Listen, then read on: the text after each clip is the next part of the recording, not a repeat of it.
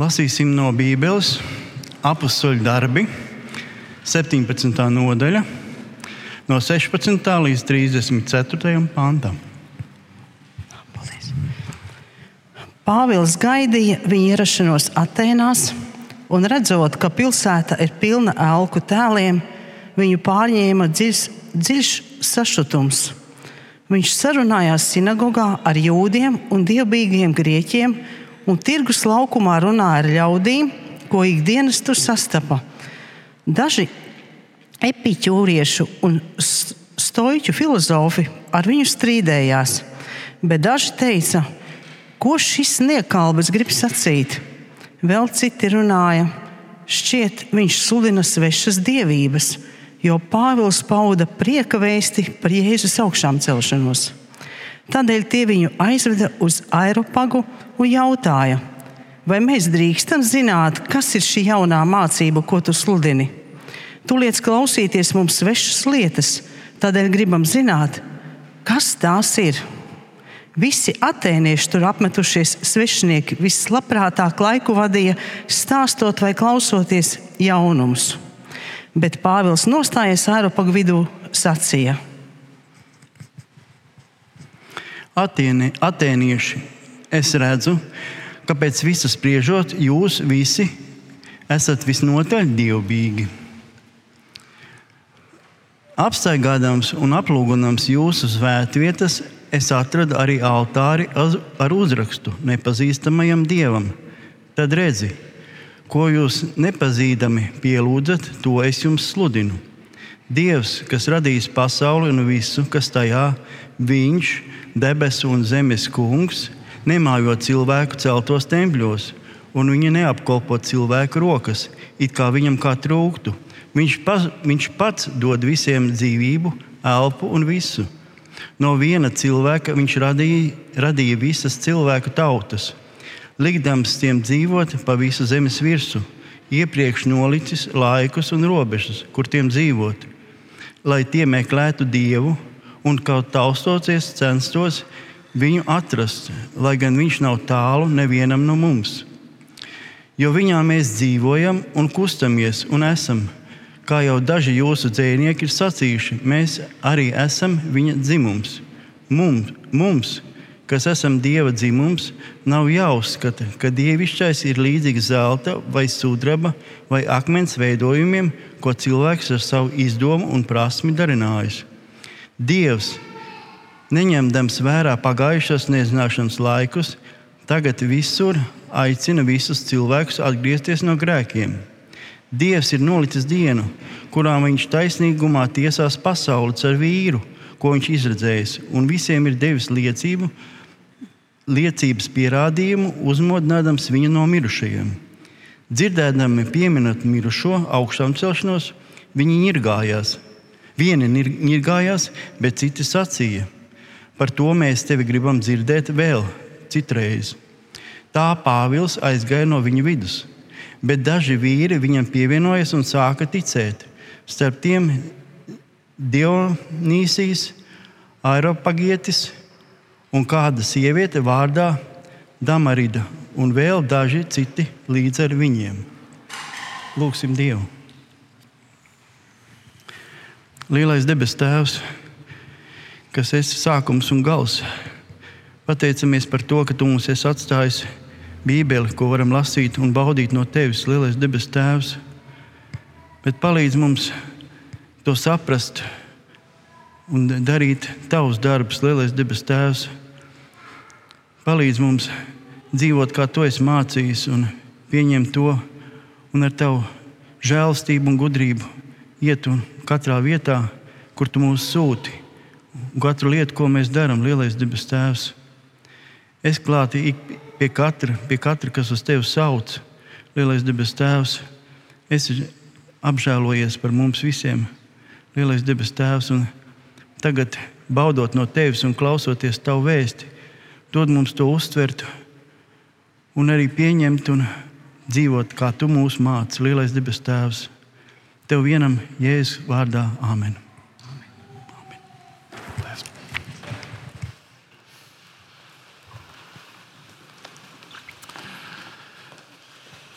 Tālāk par sašutumu. Kādiem noteikti sašutums par to, kāpēc tāda tēma vispār izvēlēta pirmajā svētdienā, 1. septembra nedēļā. Jo taču vajadzēja runāt par to, ka visas gudrības sākums ir tā kunga bijāšana, vai, ne? vai arī, ka mums ir jāturpina mācīties, ka Dievs ir visu zināšanu un zinību sākums. Un noteikti to varētu darīt, un, un tam ir sava vieta. Bet es, kad tuvojās šī nedēļa, un, un domāju, kas ir tas, ko Dievs vēlas sacīt, un, un ko Viņš liek uz manas sirds, nonācu pie šī stāsta par Pāvilu Atēnās. Un, un pirmā brīdī man gribējās šķirtot tālāk un teikt, nē, ka tomēr šī nebūs tā tēma septembra iesākšanai, jaunai sezonai, mācībām. Bet kaut kā viņi tur palika uz tās sirds un prātā. Un tad nācās vien pie viņas atgriezties un mēģināt saprast. Bet rei, Atēnas jāsaprot, ka ir Pāvila laikā, nu, varētu teikt, visas attīstītās pasaules, jeb nu, Romas impērijas, nu, tāds intelektuālisma centrs. No turienes mums nāk dažādi filozofi un viņu filozofijas, kas veidoja kultūru tajā laikā un joprojām atstājušas lielu ietekmi uz mūsu laiku. Līdz ar to tur ir uh, liels sakars ar zināšanām, ar zinībām, ar mācīšanos, un šeit arī caur viņu šo sarunu, diskusijām un, un, un vārdu apmaiņu notiek kaut kāda mācīšanās. Bet katrā ziņā septembris eh, ne tikai skolēniem, kas arī mums te priekšā bija kāds pulciņš, vai ne? Eh, un, un studentiem ir jauna sezona, eh, jaunas mācības, jaunas iespējas, bieži vien arī jaunas apņemšanās. Kad nu būs labāk, es centīšos vairāk, es nepieļaušu tās pašas kļūdas, vai nepieļaušu pirmās kļūdas, es tikšu tālu. Bet, uh, ar šīm jaunajām cerībām un jaunu vidi bieži vien, kad tas mainās kaut kāda skola vai, vai uh, dzīves sezona, agrāk vai vēlāk nāk jauna vilšanās. Jauni, tā teikt, latviešu aplausieni, ka mēs uh, kaut kur kaut ko mēģinam un saprotam, nebūs. Nesanāk tā, kā es biju iecerējis. Uh, un Reizēm tā vilšanās ir labi, ja tas ir pašam sevi, ka tu ieraugi, ka man ir kaut kas sevi jāmaina. Es esmu vīlies sevi savā raksturā. Un tas ir ļoti liekas, veselīgi, ka mēs ieraugām tās, kas mums ir sevi jāmaina. Bet bieži vien mēs ieraugām, kas visiem citiem būtu jāmaina, kur visi citi ir nepareizi. Um, nu, protams, mēs varētu no, no vecāku perspektīvas skatīties uz skolām un teikt, ka tur ir daudz kas jāmaina, vai ne, vai skolu tīkls, vai pedagoģa atalgojums vai vēl. Jāceļ kaut kā kvalitāte. Mēs varētu būt tādi sašutuši un, un teikt, ka kultūra nav tāda, kādu mēs gribētu novēlēt saviem bērniem, un ka daudz kas ir slikti. Mēs varētu būt sašutuši par politiķiem, kuri nespēja vienoties un izveidot koalīciju, un īsti šajā saimā tā īsti strādājuši, liekas, ka gandrīz vai nav. Mēs varētu būt sašutuši par to, ka Ukrainā kardarbība nav beigusies joprojām un tik ilgi tiek vilkts garumā. Liekas, kāpēc tāda neiedzība? Mēs varam būt sašutuši par ļoti daudz ko. Vecā tulkojumā ir, eh, kad lasu šos pirmos vārdus, kur, kur Pāvils ir Atēnās. Šeit, viņš palika dusmīgs, viņš pārņēma lielas dusmas, viņš bija tāds rītīgi nikns uz to, kas, ko viņš ieraudzīja. Es domāju, tas ir labi, ka mēs sašu, esam sašutuši par kaut ko kādreiz. Tas nozīmē, ka mums vēl kaut kas te iekšā darbojas, ka mums vēl kaut, kaut kas rūp par to, kas notiek sabiedrībā. Ka mums rūp par to, kas notiek tajā mūsu pilsētā, mūsu vidē, mūsu kāpņu telpā, mūsu namā, kur mēs dzīvojam. Ka ir kaut kāda vilšanās un sāpe. Mēs sarunu valodā sākam reizēm par kādu cilvēku grupu vai, vai par kaut kādām neiedzībām, viss slikti. Tādā jocīgā saliktenī reizēm pieliekam punktu LV, bet es domāju, tā ir globālāka problēma, ka ļoti daudz kas ir slikti. Un mēs varam palikt tajā pozīcijā, viss ir slikti. Ja iedodiet man vāru, es visu pasauli savadīšu kārtībā.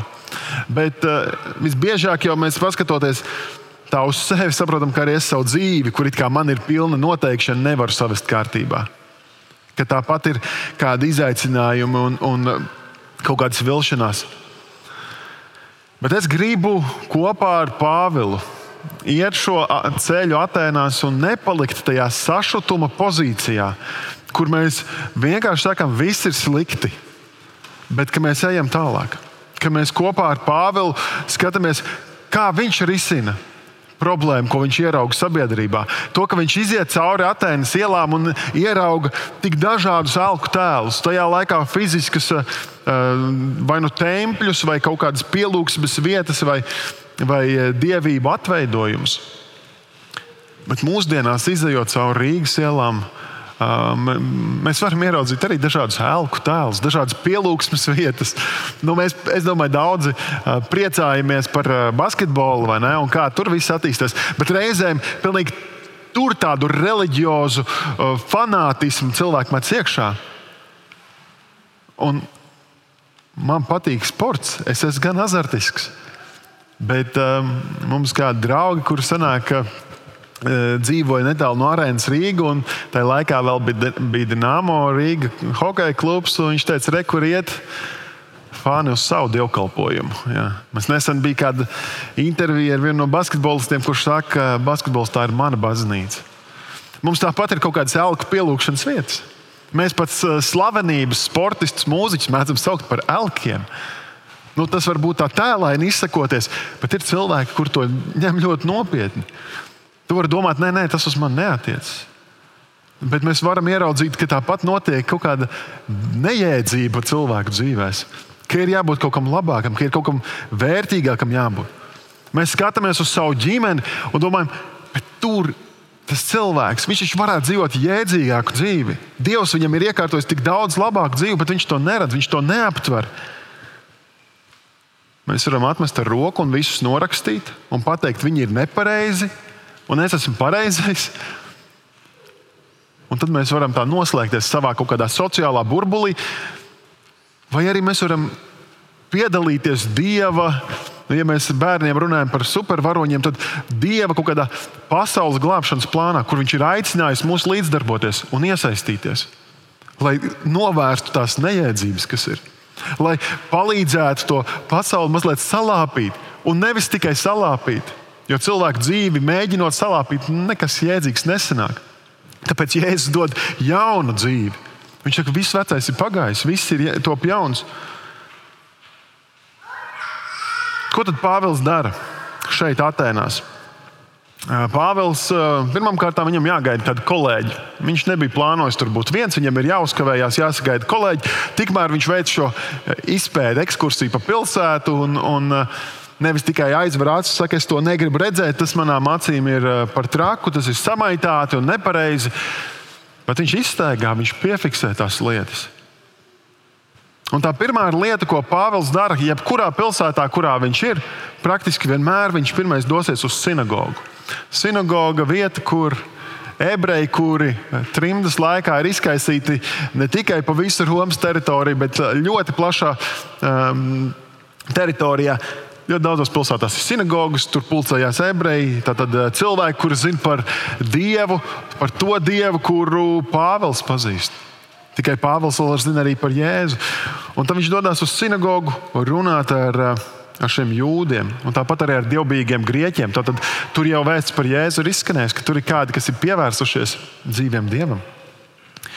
Un, uh, Man liekas, tas ir jēdzīgi, ļoti prātīgi, ja mēs ieraugām kaut kādu nejēdzību mūsu dzīvē, kaut ko, kur pasaule ir salauzta. Ka mēs nevis vai nu noslēdzamies to, no tā, kā šodien saka, kancelējam to, izgriežam to un nerunājam par to, un nemetamies vieni paši iekšā tajā glābšanas plānā, bet ka mēs aizejam pie kristiešiem, pie ticīgajiem, pie tiem, kuri saka, ka mēs sekojam tam pašam dievam un skatāmies, vai kāds jau kaut ko dara. Varbūt ir jau kaut, kāda, kaut kāds veids, kur tiek mēģināts aizsniegt kaut kāda konkrēta cilvēku grupa, vai tiek mēģināts risināt kaut kāds jautājums. Varbūt tur ir kaut kāda palīdzības programma, kur ir iespēja uh, cilvēkiem palīdzēt mainīties.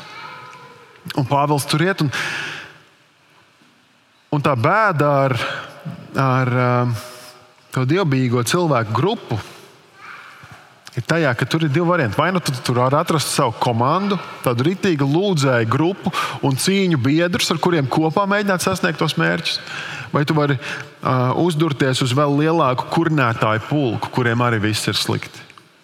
Un ir bēdīgi, ja mēs, esam, ja mēs kļūstam par tiem kurnētājiem, kuri tikai saka, viss ir slikti, neko nevar mainīt. Mēs vienkārši gaidām, ka tā jēzus otru reizi nāks. Ja viņš mūs šeit ir atstājis, lai mēs būtu par gaismu un sāli, lai mēs būtu par tiem, kur maina šo pasauli par labāku, lai mēs būtu tiem, kuri nestu vēstu par jēzu, par glābēju un cerības nesēju. Runāju ar kādu jaunu vīrieti, kurš plāno pārvākties, mainīt dzīvesvietu. Un, un mēs runājām par viņa izvēli, uz, uz kur pilsētu viņš plāno pārvākties. Un, un es viņam jautāju, kā jūs nonācāt pie tās konkrētās pilsētas? Viņš saka, zina, mēs, mēs bijām ļoti atvērti, kur mēs varētu dzīvot, dažādas variantus izskatījām. Bet šo mēs izvēlējāmies, tāpēc, ka mēs sākām interesēties par mums sirdī, darboties ar jauniešiem un stāstīt viņiem par jēzu un palīdzēt viņiem savest viņu dzīvi kārtībā. Un mēs apstaigājām septiņas draugas šajā pilsētā, un nevienā no šīm draudzēm nav jauniešu darbs. Neviens nemēģina tiem jauniešiem, kuri tur ir, dot kaut kādu cerību, jēgu, piepildījumu. Tad mēs sapratām, šī ir mūsu vieta. Viņi apstaigāja kristiešu draugas, vietas, kur it kā būtu jābūt cilvēkiem, kuriem rūp pilsēta, kuriem rūp cilvēki, kuriem ir nevis tikai tā, lai pabarotu savu ego un, un tādā pašapmierinātībā dzīvot, bet lai nestu vēstu tālāk, lai dotu to cerību tālāk. Tas nevienam nerūp. Tā cilvēku grupa, kur mums rūp. Tad mēs sapratām, nevis, ka Dievs mums aizslēdz šo ceļu, bet nē, Dievs mūs aicina būt tur, tajā vietā par gaismu. Otra lieta, ko Pāvils šeit dara, viņš eh, sarunājās tirgus laukumā ar ļaudīm, ko ikdienas tur sastapa. Un tur uzreiz ir tas attīstījums, ka daži epikūrieši un stoiķi filozofi ar viņu strīdējās, bet daži teica, ko šis niekalps grib sacīt. Vēl citi runāja, šķiet, viņš sludina svešas dievības, jo Pāvils pauda prieku vēstu par Jēzus augšām celšanos. Jautājums, vai tāda tukša filozofēšana ir patiešām tukša? Vai viņi ir jēgpilni? Reizēm liekas, nu, kāda jēga tā ir tirgus laukumā, mm, Facebookā, Twitterī vai kādā citā sociālā tirgus laukumā pļāpāt un filozofēt. Bieži vien nav jēga. Bet Pāvils parāda, ka tomēr uh, ir jārunā ar cilvēkiem. Ir jābūt viņiem par gaismu. Es domāju, ka mēs neiesim uz centrālu tirgu tur runāties. Bet varbūt arī tur ir jābūt. Mums ir jābūt tiem, kuri ved šīs sarunas, kur mēģina saprast, kāpēc cilvēki rīkojas tā, kā viņi rīkojas, kāpēc viņi domā tā, kā viņi domā, kāpēc viņu vērtības skala ir tāda, kāda ir. Liekas, vai tiešām ir vērts filozofēt? Bet kā jau minēju, Dievs mūs aicina būt nevis tikai tiem, kuri sniedz diagnozi, ka viss ir slikti, bet kuri piedalās tajā glābšanas plānā, kuri mēģina risināt tās sasāpējušās problēmas, cilvēku dzīvēm. Jo tās nav vienkārši kaut kādas abstraktas, tālas problēmas, bet tās ir reāli cilvēku dzīves, kuras tiek ietekmētas, kuri maldās pa, pa savu pasaulīti un uh, mēģina tikt ar to galā. Bet iesaistoties problēmas risināšanā, tu savu dzīvi nevis padarīsi vienkāršāku, bet tu to padarīsi sarežģītāku. Mēs jau lasījām, ka cilvēki viņam sāk pārmest, viņu apskaut. Kas tas par niekalbu? Es nezinu, ko, kāds būtu tāds ekvivalents, labs sinonīms mūsdienās, bet mēs tāpat arī ik pa laikam dzirdam kādus epitētus par sevi. Tur tumsoņi, tur, tur no, no kaut kāds jocīgais vai ne. Reizēm kādus rupjākus vārdus par sevi varam dzirdēt, vai par kristiešiem kā tādiem. Bet par to mums nav jābūt ne pārsteigtiem, nekā. Jo, ja mēs gribam atrisināt kādu sāpi, nu, tad tur vienmēr ir kāda pretestība. Jo kādam tas nav izdevīgi vienkārši. Mm. Tas, kas notiek ar Pāvilu, ir tas, ka viņu aizved uz Āreopagu kas ir tāda augstā tiesa tajā laikā.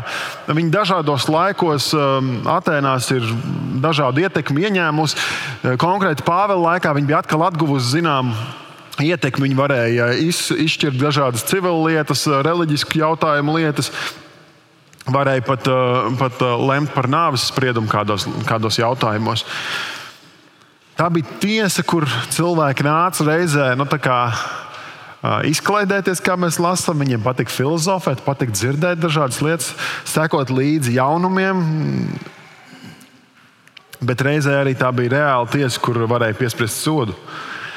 Un tās ir Pāvila problēma. Viņa atkal novada tiesas priekšā. Un liekas, nu, pagaidi, bet ja Dievs mani aicina, tad taču vajadzētu visam iet kā smērēts. Bet tad durvis aizvarās. Te es tieku atkal savā. Uh, Pilnīgi, burtiski gan arī nu, negluži apcietināts, bet vests uz tiesu, tiek apsūdzēts, apmelots. Bet uh, tādi sarežģījumi, kuriem tev ir jāiet cauri, ja tu mēģini risināt kādu problēmu, tā var kļūt par tavu platformu, kur tu vari nest cerību. Tavi sarežģījumi, kuriem ej cauri, var kļūt par tavu platformu, no kuras tu vari pasludināt priekvēsti tu, mēs lasām, ka tā problēma jau bija nevis tāpēc, ka Pāvils deva septiņus soļus uz finansiālu labklājību. Ne jau tāpēc, ka viņš stāstīja, kā e, četros veidos savest kārtībā savu ģimeni, un Bībele māca gan vienu, gan otru, kā rūpēties par savām finansēm, gan par savu ģimeni. Bet viņš stāsta viņiem vēstu par Jēzu. Un tā ir tā, ka viņš saka, tas ir kaut kas svešs, tā, tas mums nav pieņemams, tas ir kaut kas no, no alternatīvās, kaut kādas pasaules sveša dievība. Un tad Pāvils tiek aizvests uz šo tiesu. Un Pāvēlam nostājoties uh, tiesas priekšā, viņam bija vairākas noteikti izvēles iespējas. Viena ir tā, ko viņš izdara, to mēs tūlīt apskatīsim. Bet viņš tikpat labi kā tāds labs kristietis varēja nostāties un visus paņemt savu bībelī. Tajā laikā nebija šāda veida, vai ne? Tad viņi, viņi paši rakstītās vēstules, viņš varēja sākt slānīt cilvēkus un visus sūtīt uz elli. Teikt, jūs ejat uz elli, jo jūs neticat tā, kā es saprotu, ka ir jātic. Un teoloģiski viņš neko nepareizi nebūtu izdarījis. Bet Viņa emocionālā inteliģence bija pietiekami augsta, lai viņš sarunātos ar cilvēkiem normāli. Un tas, ko viņš saka, viņš saka, atēnieši. Es redzu, ka pēc visas spriežot, jūs esat visnotaļ dievbijīgi. Viņš sāk ar komplimentu. Viņš saka, es redzu, ka jūs taču domājat līdzi. Es redzu, ka jums rūp, ka jūs neesat kaut kādi vienkārši dzīvnieki, kaut kādi mežoņi. Nē, bet jums rūp, kas notiek jūsu dzīvē un arī kaut kādā garīgā pasaulē. Apstaigādams un aplūkodams jūsu svētvietas, es atradu arī altāri ar uzrakstu nepazīstamajam dievam. Tad nu redzi, ko jūs nepazīstam, pielūdzat, to es jums sludinu. Man liekas, tā ir baigā māksla. Nav māksla ieraudzīt Kristu Jēzu, Dievu, Svēto garu baznīcā. Mums ir krusts, mums ir korindas, mums ir vakarēdienas simboli. Mēs ieejam citās baznīcās, tur ir kādas ikonas, gleznas, kas mums atgādina šos stāstus, baznīcas torņi mums atgādina to. Bet ieraudzīt Jēzu sabiedrībā, ieraudzīt Dievu tur, kur Viņš ir atstājis pēdas par sevi. Bībeli mums rāda caur ķēniņu Salamanu kur viņš saka, Dievs mūžību ir ierakstījis katra cilvēka sirdī. Mūsos ir ieliktas kaut kādas ilgas pēc Dieva, ilgas pēc kaut kā lielāka, ilgas pēc kaut kā jēgpilnāka. Es ticu, ka katrs cilvēks to apzinās vai neapzinās, bet viņam ir ilgas pēc, pēc dievišķā. Reizēm tas tiek nosaukts vienkārši par mīlestību. Un tad mēs meklējam mīlestību visur un sakām, ka mīlestība izglābs pasauli. Mēs, mēs, mēs ceram, ka katrs mīlēs, vai ne? Bītla dziedāja, viss, kas tev nepieciešams, mīlestība. Vai tā ir? Ka mēs kā salauzti cilvēki mēģinām, divi salauzti grēcīgi cilvēki mēģinām mīlēt viens otru un viss būs super. Nē, visbiežāk mēs viens otru vēl mazliet vairāk vai nu patraumējam vai sāpinam. Nav tā, tā, tā kā tās, tas piemērs par divām ābolu pusītēm. Nav tā, ka tev ir otrā ābolu pusīte kaut kur pasaulē mētājās. Protams, mīlestība ir skaista, mīlestība ir brīnišķīga. Mēs svinam mīlestību kāzās, mēs cenšamies mīlēt citu, citu, mīlēt Dievu, jo Viņš mūs ir pirmais mīlējis. Bet, bet ja mēs pasaulē meklējam mīlestību, mēs tāpat piedzīvosim vilšanos. Un to mēs redzam, cik daudz salauztas attiecības. Cilvēki meklē to. Un domā, ka mīlestība ir nezinu, kaut kādās vai nu sajūtās īpašās, vai kaut kādās, tikai kaut kādās seksuālās um, darbībās, un tad tika piedzīvot vilšanās.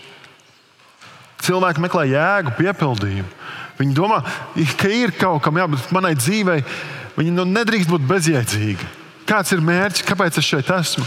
Viens no uzdevumiem, ko mēs eh, jauniem puišiem BP drafta nometnēs eh, liekam darīt, ir mērķu uzstādīšana. Viena no aktivitātēm viņiem ir, ka viņiem komandā tiek iedots striķis, pietiekami garš, un mēs viņiem sakām, nu, nostiepiet viņus starp diviem kokiem. Un jums kā komandai tam ir jāpārkāpj un, un jāpārvar šis eh, šķērslis. Un, un tad parasti jau nu, viņi visi tur kaut kur stipri zem un apsien. Un tad viss tur pārkāpj. Mēs sakām, nu, jums ir gandarījums par šo uzdevumu izpildu. Viņi tad eh, neizpratnē smīna, un kāds saka, jā, bet nu, tur redz, ka īstenībā viņi domā, ka tas bija stulbs uzdevums. Mēs sakām, vai nu, otrā iespēja. Uzstādi sev tādu mērķi, kuru tad, kad tu pārvarēsi, tev būs gandarījums. Tu teiksi, te mēs kā komanda saliedējāmies, mēs iespringām. Un, un tad, nu, cik nu kurš tur var, cik tā, tā uzliek, kāds tur 1,70 m vai 90 m uzliek augstumā. Un tad viņi tur domā, kā viens otru pārcelt un uzvilkt, lai nepieskartos stri, striķim klāt. Mēs gribam jēgu, mēs gribam mērķus, mēs gribam ambīcijas kaut kādas sasniegt. Un tas ir labi. Bet patiesas ambīcijas mēs saņemam tā, ka Jēzus mums iedod pavēli, kuru mēs nevaram cilvēcīgi izpildīt. Iet pa visu pasauli, pasludināt evaņģēlīju, pasludināt labo vēstu, pasludināt priekvēstu, pasludināt dziedināšanu, cerību, augšām celšanos. Mēs meklējam arī, es nezinu, dāmām noteikti tas citādāk, bet džeki, mēs meklējam izaicinājumu kaut ko vai nu caur sportu, vai, vai caur kaut kādām ekstrēmām aktivitātēm, reizēm caur kaut kādu intelektuālu azartu mēs meklējam. Mums vajag to. Bet to mēs spējam piedzīvot tad, kad mēs sastopamies ar Dievu, kurš pasakā, es ar tavu dzīvi gribu izdarīt kaut ko, ko tu, ko tu savā spēkā nespēji izdarīt. Kaut ko lielāku, kaut ko jēgpilnāku, varenāku. Un tas, ko Pāvils šeit izdara, viņš paņem un uh, izstāsta viņiem vienkāršos vārdos vēst par Jēzu. Viņš izstāsta vienkāršos vārdos to, ko Dievs ir darījis. Viņš pasaka, ka Dievu jau nevar ielikt kaut kādā skulptūrā. Dievu nevar vienkārši, mēs varam simboliski uzlikt krustu, bet Dievs jau nav krusts. Dievs jau nav pats, piemēram, vakarēdienas galds, ko mēs jau zinām. Dievs jau nav pati baznīca. Mēs viņu nevaram iesprostot šeit, kaut kādos mūros. Viņš ir kaut kas lielāks. Mēs sakam, ka mēs viņam kalpojam. Un tas ir super, ka mēs mēģinām dzīvot viņam par godu, bet patiesībā Dievs ir tas, kurš, kurš ir visu nokārtojis, lai mēs varētu būt dzīvi. Un cilvēcīgi mēs Paldies Dievam par prātu, ka mēs varam medicīniski daudz ko izdarīt. Bet ko mēs aizvadītās nedēļās lūdzām par mazo Elijānu trīsgadīgo, kur aiziet mūžībā un ārsts vienkārši paliek bezspēcīgi. Tā ir Dieva žēlstība, ka mēs šodien pamostamies un darbojamies.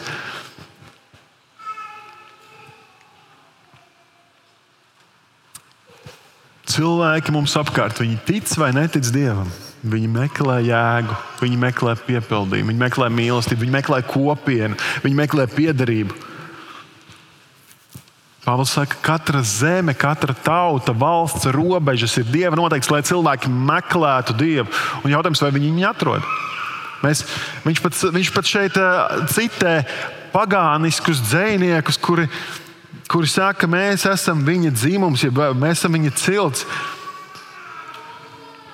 Man nāca prātā uzreiz tā latviešu, um, latviešu dziesma, kur ir mans cilts, kur, kur meitene dzied vai ne par. Patiesībā viņi runā par, par uh, trakošanu, balītē, par uh, alkoholisku dzērienu lietošanu, un, bet ar tādu reliģiozu skatu uz to visu. Tā ir, saka, tā ir mana kopiena. Tas ir tas, kāpēc es dzīvoju, tas ir tas, kāpēc es darbojos. Bet tās ir ilgas, kas ir ietvertas vārdos, ietvertas vārdos. Tāpat ik viens cilvēks sabiedrībā viņu meklē. Un tas patiesais piepildījums ir pie Kunga, glābēja Jēzus Kristus, kurš spēja piedot grēkus, kurš spēja atjaunot sirdi, kurš spēja izdziedēt salauztību, kurš spēja izdziedēt vientulību.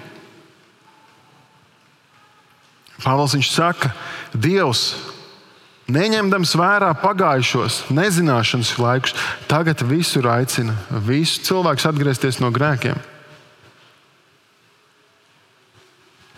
Visus cilvēkus, neatkarīgi no tās pagātnes, kad viņi kaut ko nav zinājuši, kad viņi nav sapratuši, visiem ir iespēja nākt pie glābēja.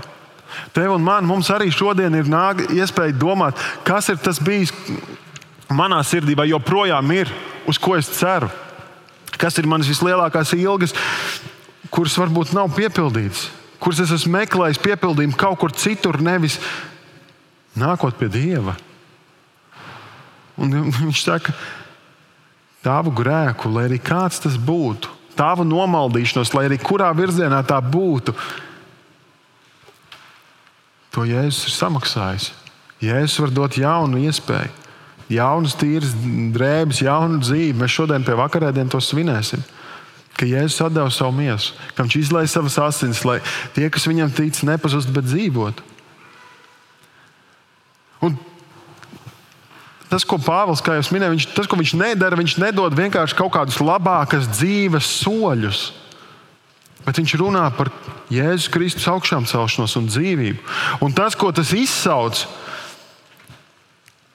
tas izsauc to, ka cilvēki ir um, ar ļoti dažādām reakcijām. Ir diezgan viegli runāt par kaut kādām nu, abstraktām lietām, par Dievu. Vairums cilvēku kaut ko par Dievu domā. Viņiem ir kaut kāda izpratne par garīgumu, um, par, par to, kā pasaule ir veidota un kā viņa funkcionē. Tajā brīdī, kad tu iesaistīsi Jēzu Kristu, viņa nāvi un augšām celšanos, kas ir kristietības pamats, par ko Pāvils saka, ja Jēzus nav augšām cēlies no mirušajiem, pilnīgi veltīgi ir vispārējā daļa. Nav jēga lasīt jauno darību, ja Jēzus nav augšām cēlies. Un tas arī notiek Atēnās. Kad viņš stāsta par augšām celšanos, tad uh, dzirdēdam, pieminām mirušu augšām celšanos, vieni ņirgājās, Bet cits sacīja, par to mēs tevi gribam dzirdēt vēl citreiz. Tajā brīdī, kad tu runāsi ar cilvēkiem un gribēsi viņiem stāstīt par to, kā viņu dzīve var tikt salabota un mainīta, un iespējams, tu esi to jau mēģinājis un runājis ar saviem. Un teikt, Klau, tev vajadzīgs jēzus, viņš var mainīt tavu dzīvi. Viņš ir nomiris par grēkiem, augšām cēlies. Un kādi ņirgājoties vai nicinoši uz tevi noskatās un izsaka kādu komentāru. Kādi par tādām pasakiņām ticēt?